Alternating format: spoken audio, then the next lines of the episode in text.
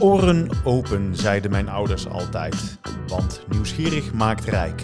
Rijk aan verhalen, rijk aan inzichten.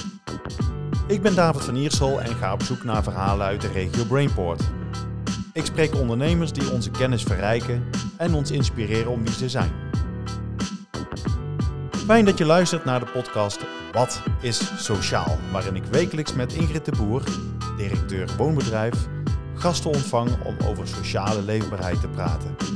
Ingrid brengt vakinhoudelijke kennis en nieuwsgierigheid mee en ik sla de brug naar het bedrijfsleven.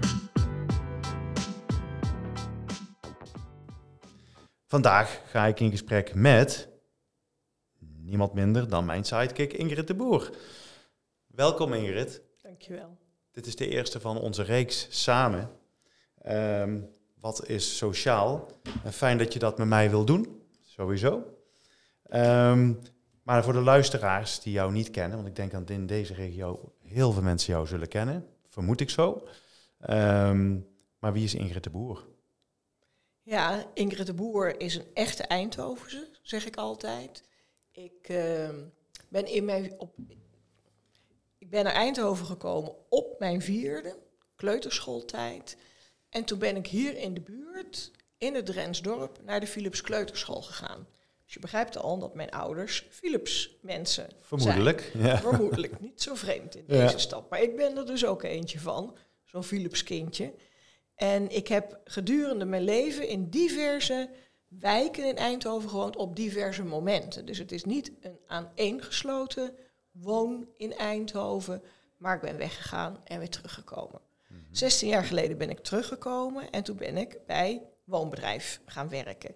En ik had toen gelijk zoiets, dan ga ik ook weer in Eindhoven wonen.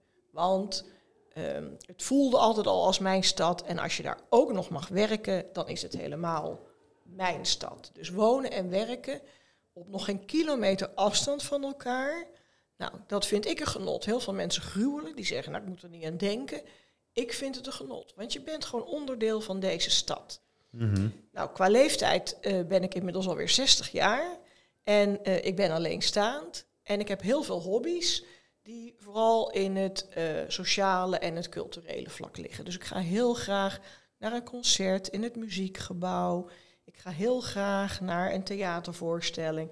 Maar ik ga ook heel graag een hapje eten of iets met vrienden en vriendinnen doen.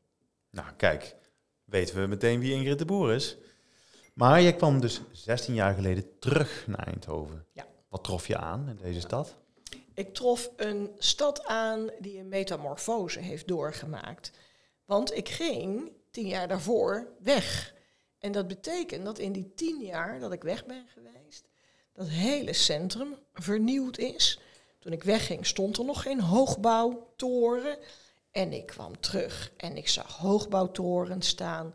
Ik zag alles rondom het Emma-singelkwadrant in aanbouw, in verandering. De wijk waar ik gewoond had, Prinsenjacht, de barrier, zit mhm. daar vlakbij. Nou, die barrier die werd helemaal gestript tot op het casco.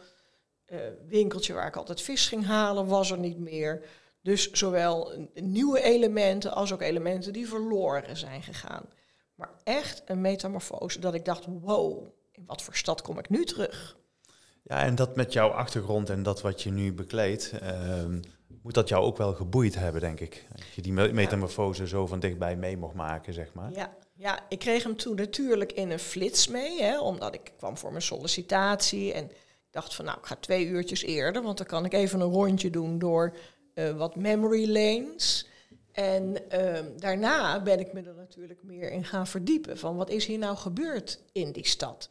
En ook in die tijd is de, de brainport-gedachte geëxpliciteerd. Dat was er natuurlijk altijd al, maar dat is gewoon explicieter geworden, is ook meer onderdeel geworden van het zijn in deze stad. En uh, daar ben ik zo langzamerhand achter gekomen dat je door die samenwerking, door die, die brainport, triple helix. Ik praat nu graag over een quadruple helix, maar toen triple helix. Mhm. Dat je daardoor dingen bereikt in een stad die je zo 1, 2, 3 niet in andere steden ziet. En ik kwam op dat moment uit Nijmegen, ook een stad die me nou aan het hart ligt, maar ja, een heel ander type stad. Een studentenstad met historische elementen. ging er altijd prat op dat wij ons de oudste stad van Nederland noemden. Was Maastricht nooit blij mee, maar wij vonden het toch. dus nou, bijna een, een, een groter verschil kun je niet voorstellen. Een studenten historische stad en dan een studenten nou, ik zou bijna zeggen, een hartstikke moderne stad. Industriële stad. Industriële stad. De sporen van de fabrieken zijn er natuurlijk nog, hè, van de industrie. Ja. ja. Maar uh, de verandering, de metamorfosis, heeft ons ook uh, nieuwe culturen, nieuwe mensen gebracht. Dat betekent ook een hele andere dynamiek in een stad, wat, uh, wat vroeger ook echt een, een arbeidersstad was. Hoe kijk je daar tegenaan? Dus de, de verandering van de mensen ook. Ja, dat zie je in eerste instantie niet zo. Mhm. Ik zeg altijd, wil je die laag raken in Eindhoven, dan moet je er langer verblijven. Dat zie je niet als je een weekendje of een weekje in deze stad bent. Dan moet je hier komen wonen, wonen en werken eventueel. Maar je moet echt langer in Eindhoven verblijven. Wil je die laag kunnen aanraken en kun je daar ook iets van meekrijgen? Dus dat is eigenlijk een soort verborgen laag. Mhm de culturele laag, de, sociaal-maatschappelijke laag. En ik kwam daar dus inderdaad pas in de loop der tijd achter. Van goh, het zijn niet meer de bewoners die er in de jaren 70 en 80 woonden toen ik er was. Nee, dat is inmiddels enorm verrijkt. Ehm, met hele andere culturen, met uh, hele andere achtergronden. Uh, en dat uit zich in andere restaurantjes, in andere winkels. En uh, ook eigenlijk in een heel andere manier van omgaan met elkaar. Je moet ook uiteindelijk leren samenleven met elkaar. En dat is natuurlijk wat ik ook zeg maar iedere dag in mijn werk tegenkom. Dat dat nog niet zo eenvoudig is. Dat als dingen veranderen, dat je met die verandering moet leren leven met elkaar op een sociale, um, veilige, geaccepteerde manier. En wat gaat daar niet goed aan op dit moment nog? Verandering is altijd moeilijk voor een mens. En dat betekent dat als die verandering te abrupt, te hard, uh, te groot is, ja, dan gaan mensen in de weerstand. En dan zeggen mensen, ja, maar hier heb ik geen zin in. En ik denk dat dat op een aantal plekken gebeurd is. Dat die verandering uh, mensen is overkomen, mensen is overvallen. En dan zie je dat er weinig acceptatie is. En waar ik in geloof is, als je de verandering aankondigt, als je de verandering begeleidt, dan is het een heel stuk makkelijker voor mensen om zich daartoe te verhouden. En we hebben op dit moment natuurlijk, nou uh, actueler kan het bijna niet, de Oekraïne-crisis, waarbij heel veel vluchtelingen uit de Oekraïne richting Nederland komen en zeker ook richting Eindhoven komen. Het mooie is dat mensen uh, klaarstaan voor die vluchtelingen, ze graag willen opnemen. En dan vind ik het uh, aan ons, woningcorporatie, gemeentebestuur, ook de taak om dat goed te begeleiden. Want mensen doen die opvang vanuit hun hart, heel impulsief. Maar als je dat niet begeleidt, dan kan het uh, in je gezicht weer uiteenspatten, omdat uiteindelijk die verandering toch best wel heel groot is. Nou, we hebben dat natuurlijk gezien met andere generaties vluchtelingenstromen waarbij dat echt wel gewrongen heeft. En waarbij wij als corporatie op een gegeven moment te horen krijgen, ja, er komt weer een woning vrij bij ons in de straat, maar dat gaat toch zeker niet naar puntje, puntje, puntje en vul dan maar in. Mhm. Terwijl als wij zeggen, ja, maar er woont nu toch ook iemand van een allochtone komaf naast u, dan zeggen ze, ja, maar daar heb ik het niet over, want die ken ik. Ik weet wie dat is. Nee, dat is hartstikke prima.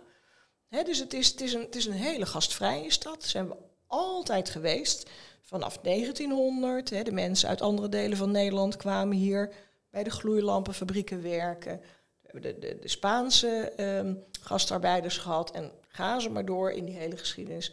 We zijn een hele gastvrije stad, maar dat, dat vergt wel een stuk facilitatie, accommodatie. En nou, dat vind ik heel mooi als wij dat als corporatie kunnen doen. Ja, maar dat, dat stamt ook wel terug uh, uit de Philips-tijd. Philips die zorgde heel goed voor zijn arbeiders. Uh, die, we hadden de moestuinen, we hadden de sportvelden en... Uh, nou ja, Philips Ontspanningscentrum. De, de POK, hè? De, de, POK, ja, ja, Die, zo noemde het nog. Ja ik, ja. ik weet het nog wel. Ja. Uh, dus in wezen uh, zorgde Philips heel goed voor deze stad. Voel jij nu in jouw rol als algemeen directeur van woonbedrijven ook een klein beetje de noodzaak om dat te doen? Zeker, zeker. Ik, um, ik voel dat sowieso van binnenuit. Hè, dat ik denk, ik breng graag mensen bij elkaar. Ik verbind heel graag. Vind ik heel belangrijk om die bruggenbouwer te zijn. Maar ik vind het ook vanuit mijn functie belangrijk om te kijken hoe kun je verbindingen leggen, niet alleen tussen mensen, maar ook tussen instanties. Hè. Dat klinkt misschien een beetje gek, maar uiteindelijk wil je als woningcorporatie ook samenwerken met heel veel bedrijven in deze regio, met de overheid in deze stad en in deze regio. En moet je eigenlijk ook op dat institutionele niveau die verbinding zien te leggen. Mhm. Daarachter zitten altijd weer mensen. Maar je moet ook kijken of bedrijven met elkaar kunnen samenwerken in deze stad. Ja, want over, uh, je noemt het woord mensen natuurlijk al. Mensen gaan we het ook heel veel hebben in onze reeks van uh, podcasts die we samen gaan maken en de mensen die we gaan ontvangen. Um, maar hoe werkt dat bij woonbedrijf? Je werkt met zoveel mensen die gehuisvest moeten worden. Um, hoe ga je daar richting aan geven? ga je daar in hokjesvorming denken? Of uh, ga je dus zeg maar mensen isoleren? Hè? We hebben het nou over de expats. Uh, maar iedereen heeft het erover. Je kan de expats het beste laten gedijen door ze gewoon te laten vermengen met de Eindhovenaar of de, de, de, de mensen uit deze regio. Hoe, hoe, kijk je daar tegenaan? Hoe geef je ook beleid op al die mensen? Ja, vanuit, vanuit mijn persoonlijke overtuiging geloof ik niet in hokjes denken. Mhm. Ik geloof ook niet in de maakbare samenleving. Ik denk dat je goed moet luisteren naar wat er gaande is. Dat je luister, moet luisteren naar mensen, wat ze graag willen. En dat je vanuit uh, wat je ophaalt moet nadenken over wat betekent dat dan voor ons als woningcorporatie. Nou, het overgrote deel van onze woningen staat er al.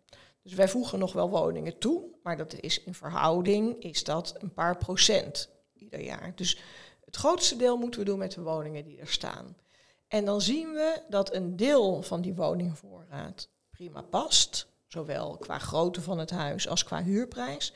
Maar we hebben ook in het verleden hele grote woningen gebouwd, die staan met name in de jaren 60, 70 wijken, waarvan wij nu eigenlijk zeggen, we hebben niet zoveel grote gezinnen meer.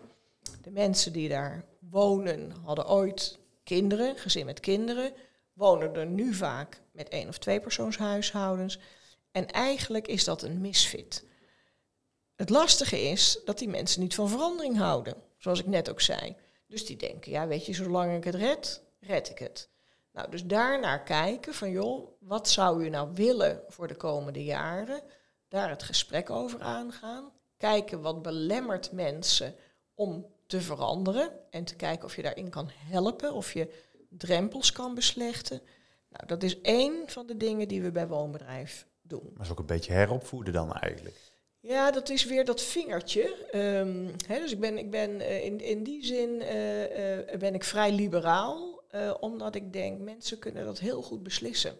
Mensen nemen iedere dag beslissingen over naar welke school moeten mijn kinderen, ga ik van werk veranderen, moet ik een nieuwe auto kopen of niet? En dat besluit over dat wonen kunnen ze ook heel goed zelf nemen. Alleen, ze kennen niet altijd alle opties. En ze kunnen niet altijd overzien hoe ze belemmeringen weg kunnen nemen. Nou, dat is dan eigenlijk iets waarvan ik zeg dat kunnen wij als corporatie heel goed. Wij kunnen de opties laten zien, we kunnen belemmeringen mee uh, wegnemen. En daar waar we iets kunnen uitbreiden, kunnen we ook toevoegen. Mhm. Dus wij gaan vooral toevoegen in wat kleinere eenheden de komende jaren. Zeer betaalbaar.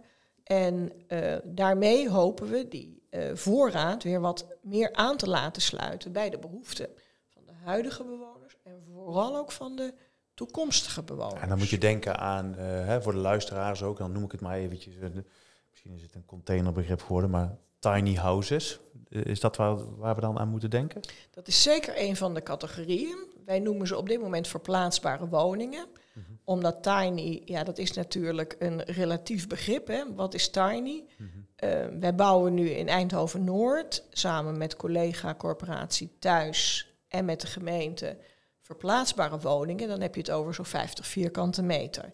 Dat zijn twee verdiepingen en op de verdieping twee slaapkamers. Dus ja, ik zou bijna zeggen, wat is tiny? Ja. Maar ze zijn verplaatsbaar en daarmee is het wel een heel nieuw product waarmee we ook denken dat we wel een bepaalde doelgroep kunnen bedienen. Waar je het ook over hebt is bijvoorbeeld een uh, wat kleinere woning voor iemand die wat ouder is. Alles begane grond in de wijk waar ze altijd gewoond hebben. Dus ik merk dat mensen. En is er ook plek voor nog dan? Ja, we hebben uh, zeker in Woensel hele ruim opgezette wijken. Waarbij als je dat uh, met smaak doet en zorgvuldig doet, best nog wat kunt toevoegen. Uh, heel soms komen we erachter dat woningen echt aan het einde van hun levensduur zijn.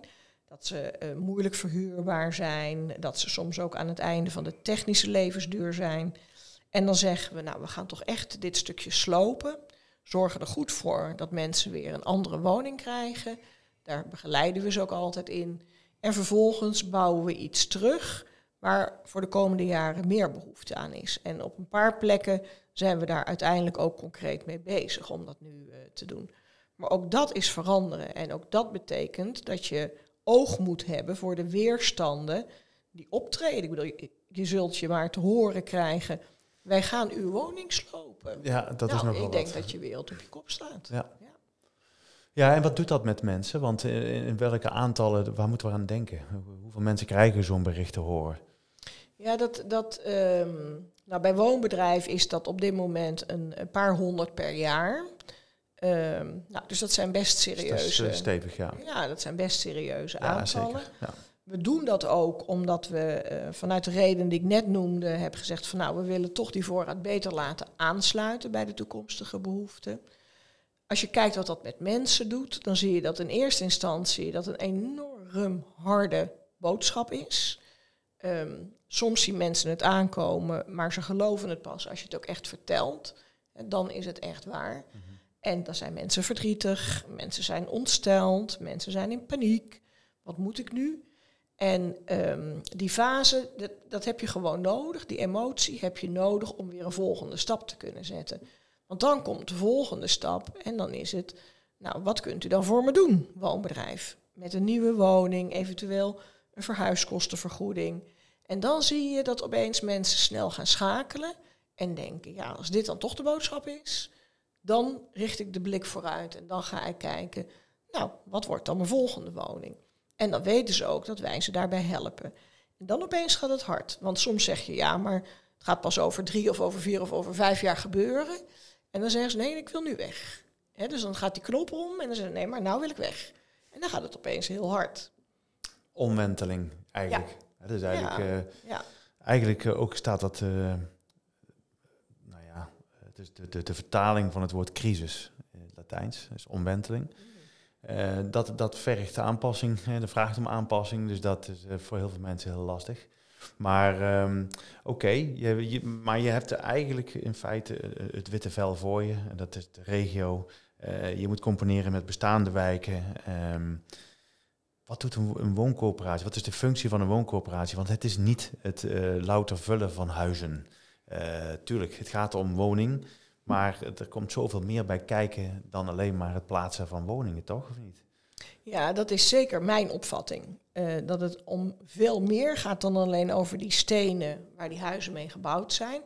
Het gaat om het fijn en ongestoord wonen. En wanneer woon je nou fijn? Dat is als je een goed huis hebt, als je het kunt betalen, als je in de buurt uh, lekker kan wandelen, als je veilig kan fietsen, als je de boodschappen kunt doen in de wijk, als je buren hebt met wie je het goed kunt vinden. Um, nou, dat zijn zeg maar belangrijke ingrediënten om fijn te kunnen wonen.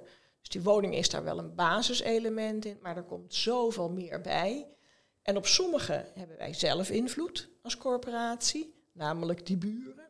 En wij kunnen ook nog wel wat doen in hoe kun je fijn met je buren samenleven. Daar hebben we ook uh, wel wat ervaring in opgedaan. Kunnen onze mensen ook heel goed. Maar wat we niet kunnen, is bijvoorbeeld een winkel bouwen of zorgen dat die winkel er blijft. Wij kunnen niet zorgen voor een uh, veilige straat waar je als kinderen veilig de weg over kunt steken. We kunnen niet zorgen voor een school. Het is ook heel fijn als je school in de buurt hebt. Best wel. Dus wat wij doen, en dat is ook echt een deel van ons werk, is dat wij in overleg zijn met al die partners in een wijk om te kijken of we met elkaar een hele sociale, leefbare wijk kunnen maken. En worden daar de bewoners zelf ook goed bij betrokken? Ja, dat, eh, dat doen we zeker. Ehm, als het gaat over zo'n nieuw stukje wijk, doen we dat zelfs al ver voordat die woningen eh, gebouwd worden en klaar zijn. Dus dan gaan we al kijken of we bewoners eh, nou, kunnen selecteren die zeggen, nou ik wil ook wel meedenken over hoe zo'n wijk een prettige wijk kan worden. Als het gaat over een bestaande wijk, dan hebben we zeker het gesprek, want dan kennen we die bewoners gewoon. Die kennen we al lang. Wij weten bijna achter iedere voordeur wie daar woont. En ehm, we hebben in de wijk heel veel mensen rondlopen, beheerders, buurtvakmannen, woonconsulenten. Ik verbaas me er altijd over als ik met ze de wijken ga. Die kunnen precies vertellen wie achter welke voordeur woont en wat daar speelt. Dus eigenlijk zijn zij een beetje de aanvoerders in het veld, om maar even een metafoor te Absoluut. gebruiken. Ik zeg altijd, ik bedoel, uh, er is één algemeen directeur, dat ben ik, maar er zijn 300 mensen die veel beter het werk kunnen doen dan ik in mijn eentje. Dus je moet vooral die mensen hun werk laten Zij zijn de ogen en de oren van de wijken. Absoluut, Ja, ja. zeker. Ja. Ja, ehm, wij gaan samen de podcast eh, reeks doen. Wat is sociaal? We praten over sociale leefbaarheid. Ehm, wat hoop jij in de komende afleveringen met mij eh, te leren? Als je, als je, hè, want we zijn samen dit avontuur aangegaan. We gaan heel veel een diversiteit van, van gasten uh, aan onze tafel krijgen. Wat hoop je te leren? Wat hoop je te horen? Ja, ik, uh, ik wil me allereerst laten verwonderen.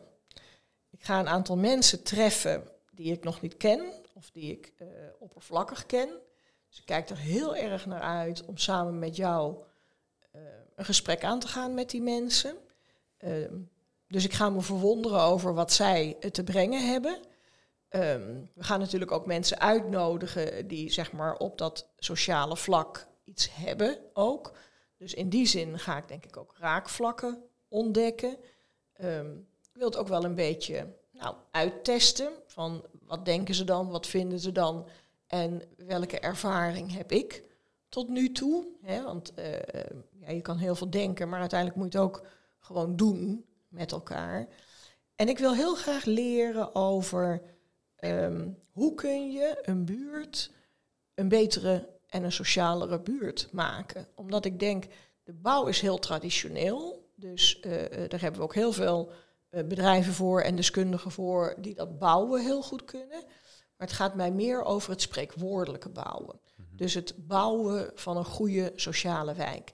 En daar hoop ik uh, de komende podcastreeks wat inzichten uh, te krijgen, wat relaties te leggen en te kijken of we die de komende jaren ook kunnen inzetten om betere, socialere buurten te maken.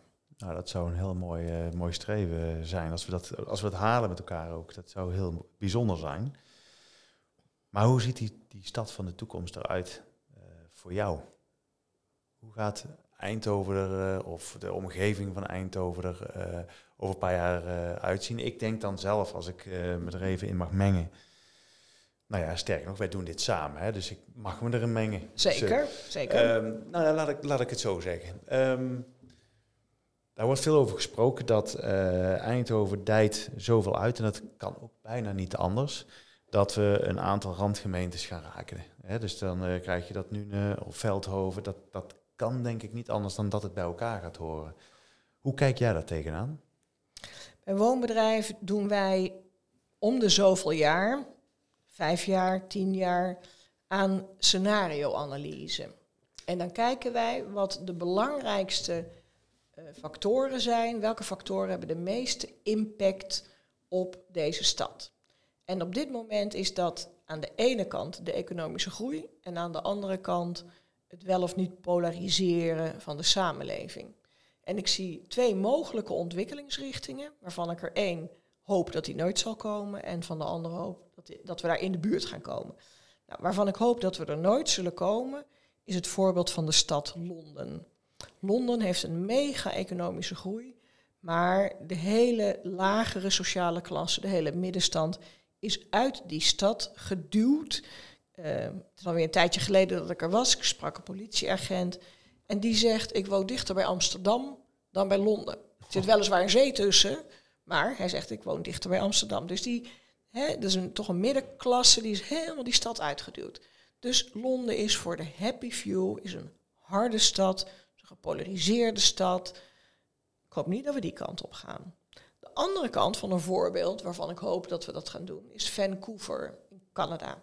Dat is ook een stad met een goede economische groei, maar die zijn in staat geweest om daar een menselijke stad neer te zetten. Waarbij je gebruik maakt van de kracht van lokale ondernemers, lokale burgers, die met elkaar een hele leefbare stad maken. Een hele duurzame stad maken. Een hele groene stad maken. En ik hoop dat wij hier in Eindhoven die ingrediënten kunnen vasthouden, dan wel kunnen maken, waardoor we een soort Vancouver 3.0 kunnen worden. Wat een ongelooflijk mooi streven. Ehm, om dat mee te nemen in onze reeks. Ik denk dat, het, eh, dat de stad Vancouver nog wat vaker uh, in onze gesprekken zal terug gaan komen. Ik heb hem opgeschreven. Uh, dus Vancouver versus Londen. Laten we die er eens even in houden. Dus ik neem aan dat we die nog wel eens hier en daar droppen.